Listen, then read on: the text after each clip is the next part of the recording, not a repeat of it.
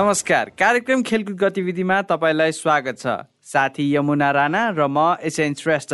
खेलकुद गतिविधिको आजको अङ्क लिएर उपस्थित भइसकेका छौँ। यो कार्यक्रम हरेक शनिबार बेलुकी साढे छ बजेदेखि सात बजेसम्म मात्र radio Candid ninety two point seven mega हर्जमा सुन्न सक्नुहुन्छ। साथै हाम्रो रेडियो क्यान्डिडको अफिसियल फेसबुक पेज हाम्रो रेडियोको website W W W dot radio Candid dot कममा र पोडकास्टमा समेत सुन्न सक्नुहुन्छ।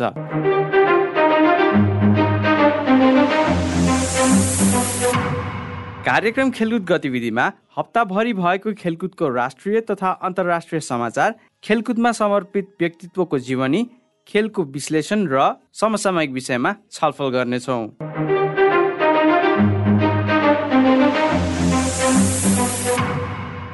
आजको कार्यक्रममा हामी अन्डर नाइन्टिन महिला राष्ट्रिय क्रिकेट प्रतियोगितामा कर्णाली प्रदेशको विजय सुरुवात बी डिभिजन लिगमा कृपाकान्तको ह्याट्रिक गोलसँगै वीरगन्जको दोस्रो जित राष्ट्रिय महिला लिगमा एपिएफको विजय सुरुवात इटलीको विश्वकप फुटबल खेल्ने सपनामा पूर्ण विराम र अन्तर्राष्ट्रिय भलिबल रेफ्री चन्द्र बदना राईसँगको कुराकानी प्रस्तुत गर्नेछौँ। अब पालो साप्ताहिक समाचारको साप्ताहिक समाचार लिएर आउँदै हुनुहुन्छ साथी यमुना राणा। कर्णाली प्रदेशले अन्डर नाइन्टिन महिला राष्ट्रिय क्रिकेट प्रतियोगितामा विजयी सुरुवात गरेको छ। धनगढीको फाफ्ला क्रिकेट मैदानमा कर्णाली प्रदेशले सुदूरपश्चिमलाई चौतिस रनले पराजित गरेको हो। टस जितेर पहिले ब्याटिङ गरेको कर्णालीले निर्धारित ओभरमा पाँच विकेट गुमाएर त्रियानब्बे रन जोड्यो।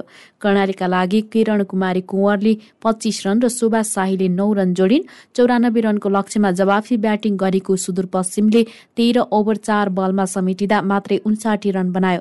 सुदूरपश्चिमलाई सस्तैमा समेट्न एन्जिला थापाले तीन र दीक्षापुरीले दुई विकेट लिइन्। शहीद स्मारक बे डिभिजन लिगमा चर्च बोइज युनाइटेडको चौथो जित तथा वीरगंज युनाइटेडले दोस्रो जित निकाल्दा तुसाल युथ क्लब र श्रीकुमारी क्लबको खेल भने बराबरीमा सकिएको छ। ललितपुरको सातो बाटो स्थित इन्फा कम्प्लेक्समा आज बिहान भएको खेलमा तुसाल र श्रीकुमारी बीचको खेल एक एक गोलको बराबरीमा सकिएको हो। तुसालका लागि धीरेन्द्र बहादुर साईले एक गोल गरे भने श्रीकुमारीका लागि आरोज सिंहले एक गोल गरे। अर्को खेलमा चर्च बोइज युनाइटेडले बोइज युनियन क्लबलाई छ एक गोल अन्तरले पराजित गर्यो। चर्चको जितमा आशिष चापागाईले दुई तथा साइमन लिम्बू आशिष चौधरी योगेश गुरुङ र अनिल धामीले एक एक गोल गरे भने बोइजका लागि अरूण लिम्बूले एक गोल फर्काए। यस्तै वीरगंजको सरस्वती युथ क्लबलाई पाँच शून्य गोल अन्तरले पराजित गरेको हो। वीरगंजको जितमा कृपाकान्त महतो थारूले चार र विवेक चौधरीले एक गोल गरे।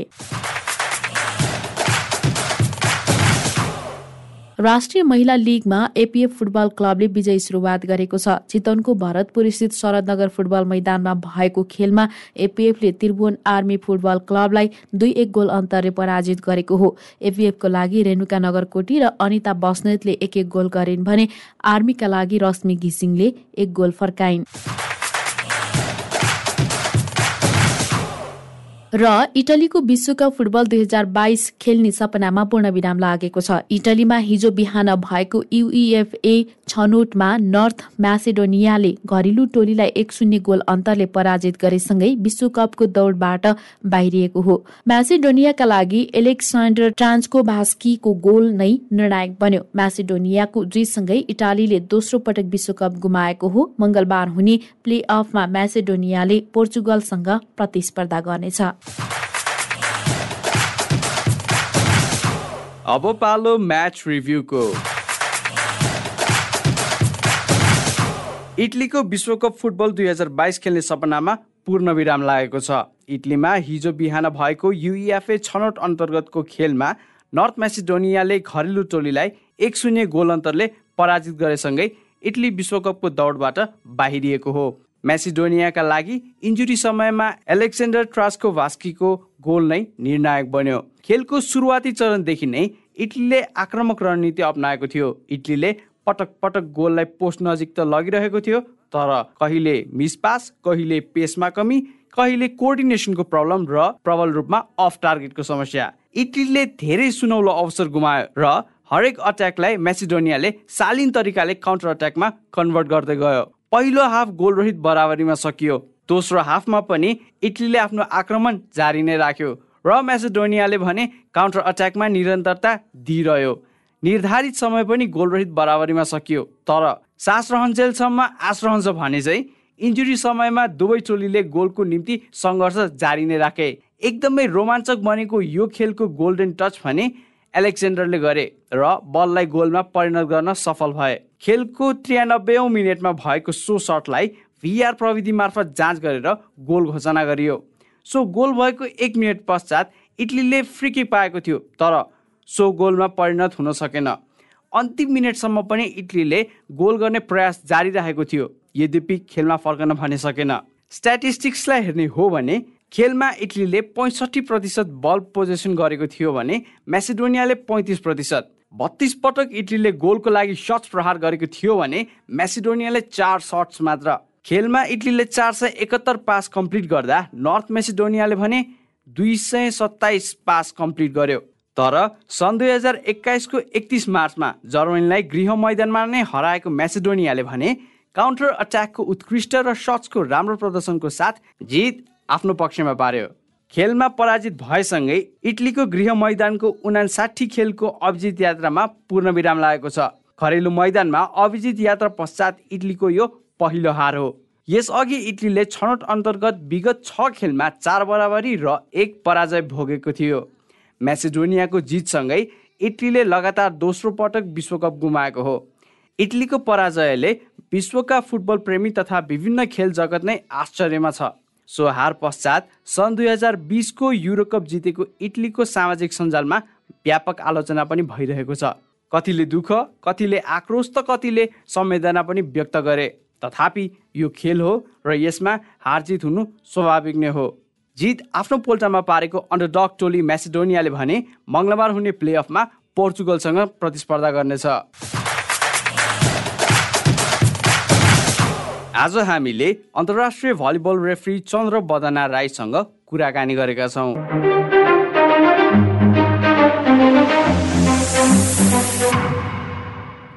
चन्द्र बदना राईजी तपाईँलाई हाम्रो रेडियो क्यान्डिडको खेलकुद गतिविधिमा स्वागत छ। धन्यवाद। भाइ श्रेष्ठलाई सुरुमा विगतको दिनहरू नै सम्झौँ तपाईँले भलिबल सुरु गर्दाखेरिको सिनेरियो चाहिँ कस्तो थियो त?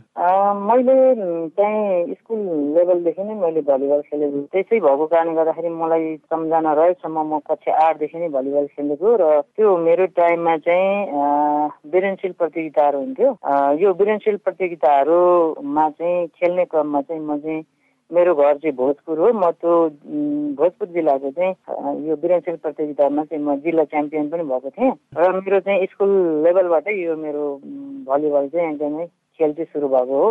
मलाई चाहिँ यो खेल खेल्न एकदमै इन्जोय मानसिक रूपबाटै मलाई एकदमै इन्जोय प्राप्त महिला टोलीमा चाहिँ त्यस बेला कतिको क्रेज थियो त भलिबलमा? त्यो बेलामा चाहिँ महिलाहरू खेल्नुपर्छ भन्ने कुरा त परै जाओस् होइन समाजले अब इभन छोराहरू पनि खेल्यो भने बिग्रिन्छ भन्ने खालको कुरा चाहिँ त्यो बेला पनि थियो है। त्यसो भएको कारणले गर्दाखेरि एउटा महिलालाई खेलाडीकै रूपमा स्थापित भएर बस्नको लागि चाहिँ अथवा प्रोफेसनल प्लेयर हुने कुरा चाहिँ हाम्रो नेपाली परिप्रेक्ष्यमा त्यो बेलामा सम्भव थिएन।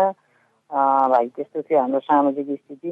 हाम्रो सामाजिक स्थिति चाहिँ कस्तो हो भने केटा मान्छेहरूले पनि चाहिँ अब खेल्नु हुँदैन। यो खेल भनेको चाहिँ मूर्खहरूले गर्ने एक्टिभिटिज हो। यो चाहिँ यो मेन्टल वर्क होइन। भन्ने खालको चाहिँ कन्सेप्ट थियो। त्यसै भएको कारणले गर्दाखेरि मेरो पालामा मेरो जिल्लामा मैले मेरो जहाँसम्म मलाई सम्झना हुँदा चाहिँ इभन केटा मान्छेहरू पनि चाहिँ खेलमा चाहिँ यसरी अगाडि बढिरहेको जस्तो चाहिँ मलाई अनुभूति थिएन। मान्छेहरू पनि एकदमै न्यून सहभागिता थियो त्यो बेलामा। रेफ्रीसम्मको यात्रा चाहिँ कसरी सुरु भयो त तपाईँको? भयो? अब कस्तो भयो भने हामी गाउँठाउँको मान्छे पाहाडबाट आउँदाखेरि हामीलाई धेरै कुराहरू अब भनौँ न हरेक कुराहरू अब आर्थिक सामाजिक हरेक हिसाबले चाहिँ एउटा मान्छेलाई चाहिँ अगाडि बढ्नको लागि सपोर्ट त चाहिन्छ होइन? त्यस्तो खालको अब सपोर्ट भएन म चाहिँ दुई हजार बैसठी सालमा होला सायद त्यो एउटा हाम्रो नेसनल गेमहरू भइरहेको थियो। त्यो गेम खेलेर मैले चाहिँ छोडेँ। त्यो बेलामा चाहिँ यो साफ गेमको चाहिँ म फर्स्ट यो प्रिलिमिनरी उमा फेजमा चाहिँ म छनौट भएको थिएँ। अनि के भयो भन्दाखेरि अब अब पारिवारिक समस्याहरू भयो। अब मैले चाहिँ यता यो चाहिँ सँगसँगै पढि पनि रहेको थिएँ अनि खेललाई पनि अगाडि बढाइरहेको थिएँ। अब मैले चाहिँ मेरो आफ्नो पेसालाई सुरु गर्नुपर्ने भयो र मैले त्यो ट्रेनिङमा चाहिँ फुल्ली टाइम दिन नसक्ने भएको कारणले गर्दाखेरि छोडेँ। अब मलाई के चाहिँ मलाई चाहिँ के चाहिँ मनमा चाहिँ असन्तुष्टि भइरहेको थियो अथवा एक खालको तनाव थियो भने यो भलिबललाई म चट्टै माया मार्न सक्दिनँ। म कसरी यसमा चाहिँ लिङ्क भइराख्ने भन्ने कुराहरू मैले सोच्न थालेँ र यसै सिलसिलामा चाहिँ मैले चाहिँ उन्साठी सालमा चाहिँ नेसनल रेफ्री ट्रेनिङ पोखरामा गरेँ त्यसपछि बिस्तारै बिस्तारै अब राष्ट्रिय रूपमा भएका प्रतियोगिताहरूमा म पनि अफिसिएटिङ गर्दै अगाडि बढेँ।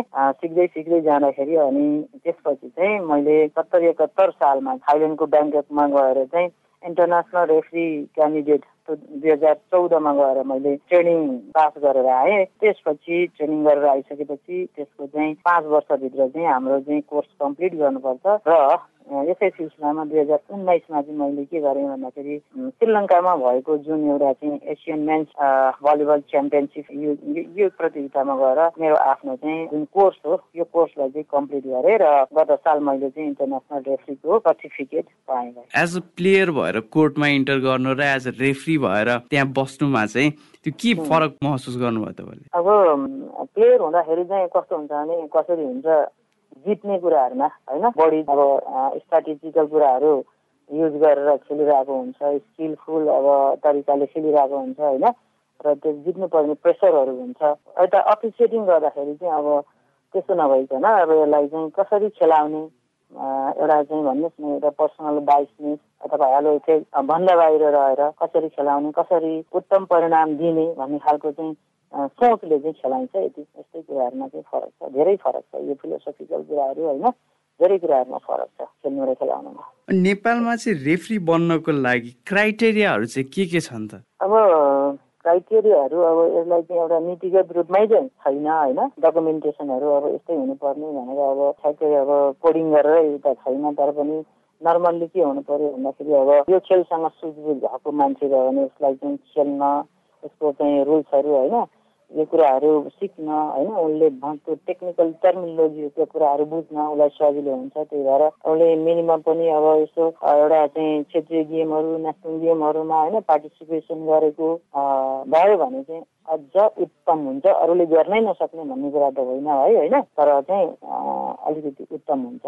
सिक्नलाई चाहिँ इजी हुन्छ भन्ने लाग्छ मलाई। इन्टरनेसनली रेफ्रिङ गर्दा र नेपालमा गर्दाखेरि के फरक पाउनु भएको छ? अब मैले यसमा चाहिँ के कुराहरूमा चाहिँ फरक हुन्छ भने है त्यसमा खास गरिकन हामीसँग चाहिँ एउटा रुल्स सबै उस्तै हो त्यसमा केही फरक छैन होइन? तर हामीसँग चाहिँ कहिलेकाहीँ के हुन्छ भन्दाखेरि इक्विपमेन्टहरू हुन्छ नि जुन कुराहरू। यो इक्विपमेन्टहरूको चाहिँ अभाव छ। हामीसँग प्रविधिहरू हामीसँग छैन। एउटा चाहिँ फिटको रुल्सले चाहिँ प्रविगत प्रविधिगत कुराहरूलाई कोडिङ गरेको हुन्छ नि। त्यो सबै कुरालाई हामीले यहाँ हुबहु यसरी लागू गरेर नेपालमा चाहिँ खेलाउनलाई अब कहिले भन्नु नि हेर्नु त्यहाँ कहिले ठाउँ नपुगिरहेको हुन्छ। कबडहरूलाई पनि साँगुरो छ नि त। त्यही भएर कहिले चाहिँ चाहिँ कम्प्रोमाइज गरेर यसरी खेलाउनु पर्ने हुन्छ बाहिरतिर अब राम्रो राम्रो खालको वेल डेभलप कन्ट्रीहरूमा चाहिँ अब कस्तो हुने भने अब धेरै सुविधाहरू धेरै हुने होइन। तपाईँले अब चाहेको जस्तो चाहिँ तपाईँले चाहिँ अलिकति आउटपुट निकाल्न सक्नुहुने त्यस्तो खालको कुराहरू पनि चाहिँ हुन्छ। तर अब अलिकति जसलाई पनि के हुन्छ भन्दाखेरि आफ्नो होम होइन ग्राउन्डमा चाहिँ खेलाउनको लागि भनेको नेपालमै खेलाउनको लागि चाहिँ खेलाउँदा चाहिँ आफूलाई अलिकति बढी के हुन्छ भन्दाखेरि इन्जोय हुन्छ त्यस्तो चाहिँ हुन्छ। अब अलिकति तितो कुरा गरौँ। तपाईँ त अब ओभिरियन क्यान्सर सर्भाइभल हुनुहुन्छ। खेलकुदमा संलग्न हुँदा अस्वस्थ हुँदाखेरि कतिको चुनौतीपूर्ण रह्यो त तपाईँलाई? हुन त मान्छेलाई चाहिँ यो चुनौतीपूर्णै रह्यो भनौँ होइन? तर पनि मान्छेले कस्तो भने अब हरेक कुरा जीवनमा आउँछ। यसलाई चाहिँ हामीले सामना गर्नुपर्छ। चुनौतीलाई सा एउटा चाहिँ सामना गर्नुपर्छ भन्ने मनोविज्ञानमै म चाहिँ त्यसरी अगाडि बढेको भएको कारणले गर्दाखेरि हुनसक्छ केही समय पछाडि पर्यो होला केही भयो होला। कहिले काहीँ चाहिँ के हुन्छ भने अब फिजिकल्ली अलिकति विकनेसेस भएको कारणले गर्दाखेरि केही समय चाहिँ अब पछाडि पर्यो। त्यसमा पनि दुःख छैन मलाई। हाम्रो खेलकुद समुदाय छ यसमा चाहिँ प्राय खेलकुद व्यक्तित्वहरू जब कुनै पनि अस्वस्थ स्थितिमा पुग्नुहुन्छ त्यति बेला चाहिँ आर्थिक सङ्कटले अलिक बढी पिरोल्ने गर्छ। त्यति बेला चाहिँ तपाईँलाई कतिको त्यस्तो समस्या देखा पर्यो त? आर्थिक समस्याहरू त अब भयो भाइ। किन अब हाम्रो कल्चर पनि अब के छैन होइन? धेरै सञ्चय गरेर राख्ने खालको हाम्रो एउटा मिडल फ्यामिली हो होइन? त्यस्तो पनि होइन। आर्थिक समस्याहरू भयो अब केही चाहिँ साथीभाइहरूले सङ्घ संस्थाहरूले केही सहयोग गर्नुभयो। त्यसले गर्दाखेरि मलाई त्यति धेरै जटिलता चाहिँ भएन। तर स्पोर्ट्स स्पोर्ट्सको सङ्घ संस्थाले होइन कि अरू नै सङ्घ संस्थाहरूले चाहिँ मलाई धेरै सहयोग गर्नुभएको थियो मलाई उहाँहरूलाई म यही तपाईँको कार्यक्रम मार्फत चाहिँ ज जसले मलाई जहाँ जहाँबाट जसरी सहयोग गर्नुभयो उहाँहरूलाई धेरै धेरै धन्यवाद दिन पनि चाहन्छु। तपाईँहरूले सहयोग गर्नुभएकै कारणले गर्दाखेरि आज म स्वस्थ छु तन्दुरुस्त छु र यो राष्ट्रको बारेमा होइन समाजको बारेमा खेलकुदको बारेमा केही सोच्न केही गरौँ भन्ने मेरो आफ्नो सोच छ। यसलाई सफल सफलीभूत पार्नको लागि म प्रयत्न रहनेछु भन्ने पनि सबैजनालाई म अब भलिबलको सिनारीको कुरा गर्दाखेरि अहिले नेपालमा चाहिँ भलिबल रेफ्रीको अवस्था चाहिँ कस्तो छ त? अब यो प्रश्न एकदमै कम्प्लिकेटेड प्रश्न हो। राम्रो हुनको लागि चाहिँ हामीलाई के चाहिन्थ्यो होला भन्दाखेरि जुनसुकै संस्थाको पनि पोलिसी हुनु पर्यो होला एक्सन प्लानहरू हुनु पर्यो होला होइन? स्ट्राटेजीहरू हुनु पर्यो होला अनि मात्रै संस्थालाई रन गर्नको लागि वेल डेभलप गर्नको लागि त्यसले चाहिँ सहयोग गर्थ्यो होला होइन?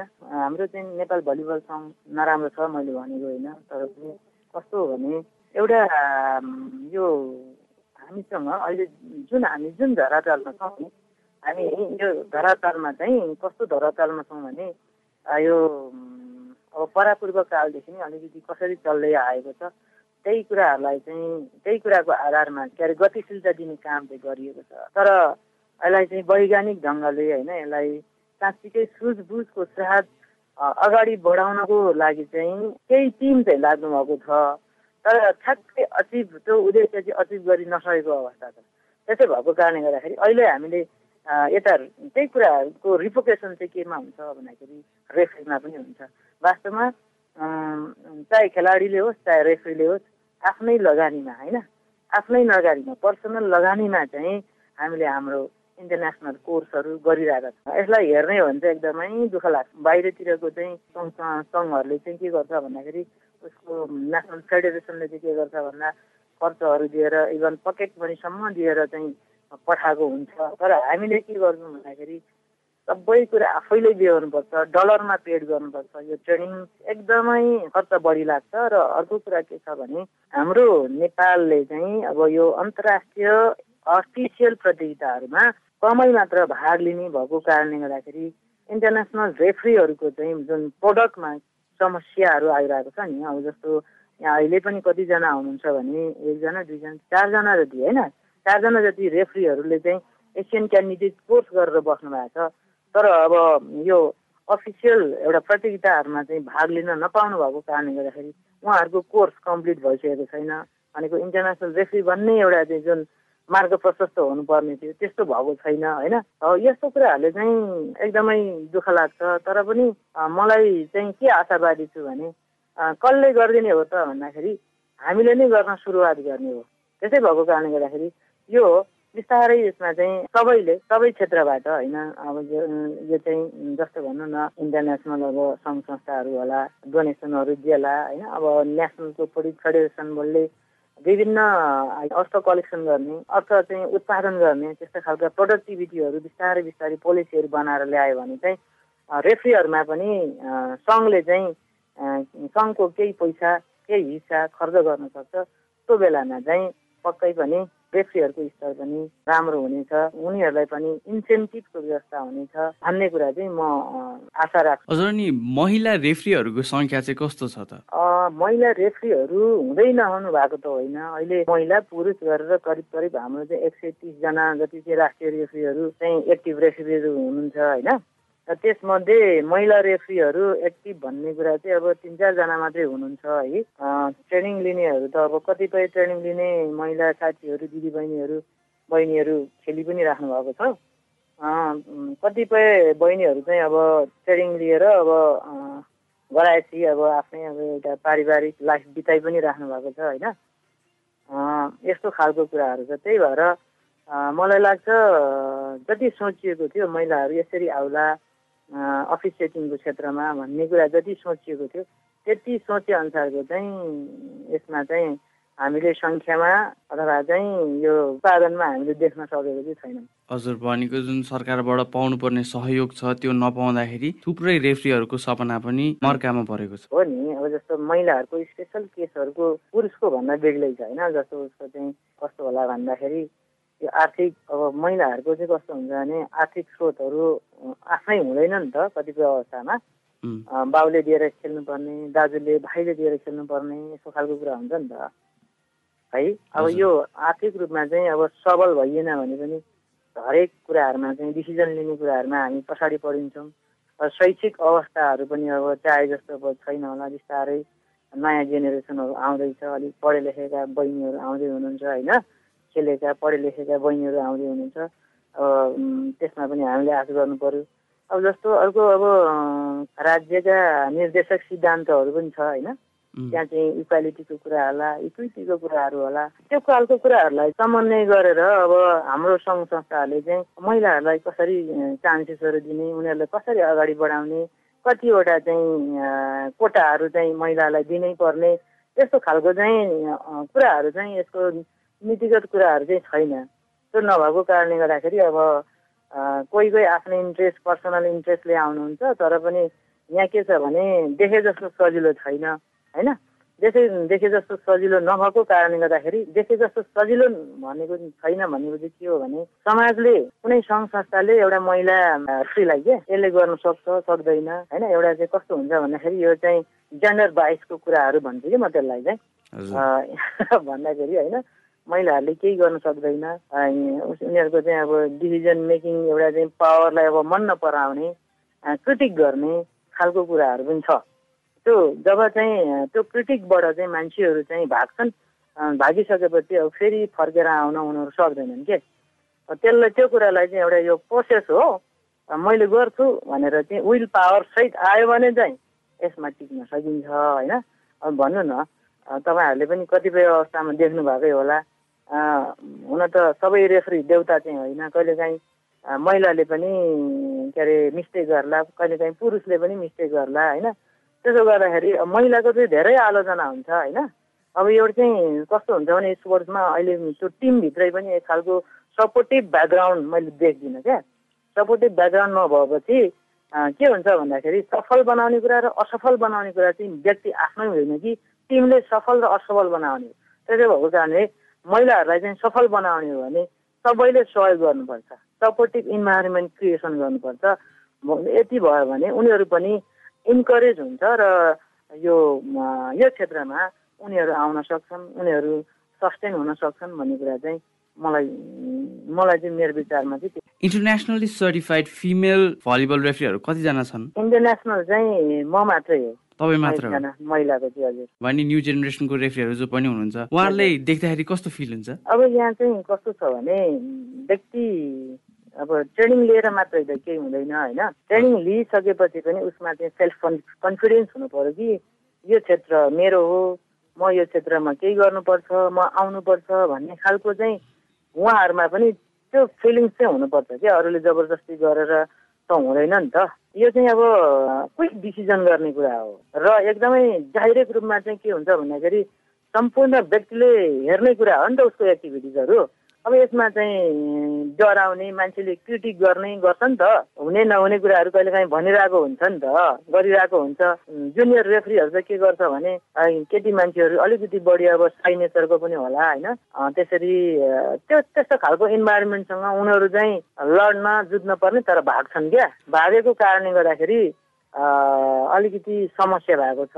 म चाहिँ के भन्छु भने उहाँहरू सबैलाई ट्रेनिङहरू लिनुभएको जति पनि हाम्रा चाहिँ महिला बहिनीहरू हुनुहुन्छ उहाँहरूलाई चाहिँ सँगै यो समस्याहरू अफिसिएटिङमा हुने समस्याहरू समाधान गर्नको लागि टिम वर्क गर्नको लागि हामी तपाईँ हामी सबै सँगै छौँ। तपाईँहरू पनि अगाडि बढ्नुहोस्। मैले सक्ने सहयोग मैले जानेको कुरा म तपाईँहरूलाई सपोर्ट गर्न तयार छु। इन्टरनेसनल फिमेल रेफ्रीहरूको नेपालमा सङ्ख्या बढाउनको लागि चाहिँ के गर्नु पर्ला? अब यो चाहिँ कस्तो हुन्छ भने उहाँ अब जो मान्छे इन्ट्रेस्टेड छन्। उनीहरूलाई चाहिँ यो कोटाहरू हुन्छ कोटाहरूमा लगिङ गर्ने नेसनल सङ्घहरूले र उहाँहरूलाई ट्रेनिङको लागि फेसिलिटेसन गर्ने काम गर्यो भने सजिलो हुन्छ। हाम्रो नेपाल भलिबल सङ्घलाई कन्ट्याक्ट गर्नु पर्यो त्यसको लागि। हजुर। हजुर। तपाईँसँग अझै धेरै कुराकानी गर्न मन थियो तर के गर्नु समयको पाबन्दी छ। त्यसकारण जाँदा जाँदै हाम्रो खेलकुद गतिविधिको प्लेटफर्मबाट श्रोताहरूलाई के भन्न मन छ भने प्लिज भनिदिनुहोस् न। सम्पूर्ण मेरो यो इन्टरभ्यू सुनिरहनु हुने अ, सम्पूर्ण श्रोताहरूलाई म हृदयदेखि नै धन्यवाद दिन्छु र यो प्लेटफर्मलाई हेरिदिनुहोस् पढिदिनुहोस् र खेलकुदलाई माया गरिदिनुहोस् भन्ने कुरा चाहिँ म सबैमा अनुरोध गर्न चाहन्छु। धन्यवाद।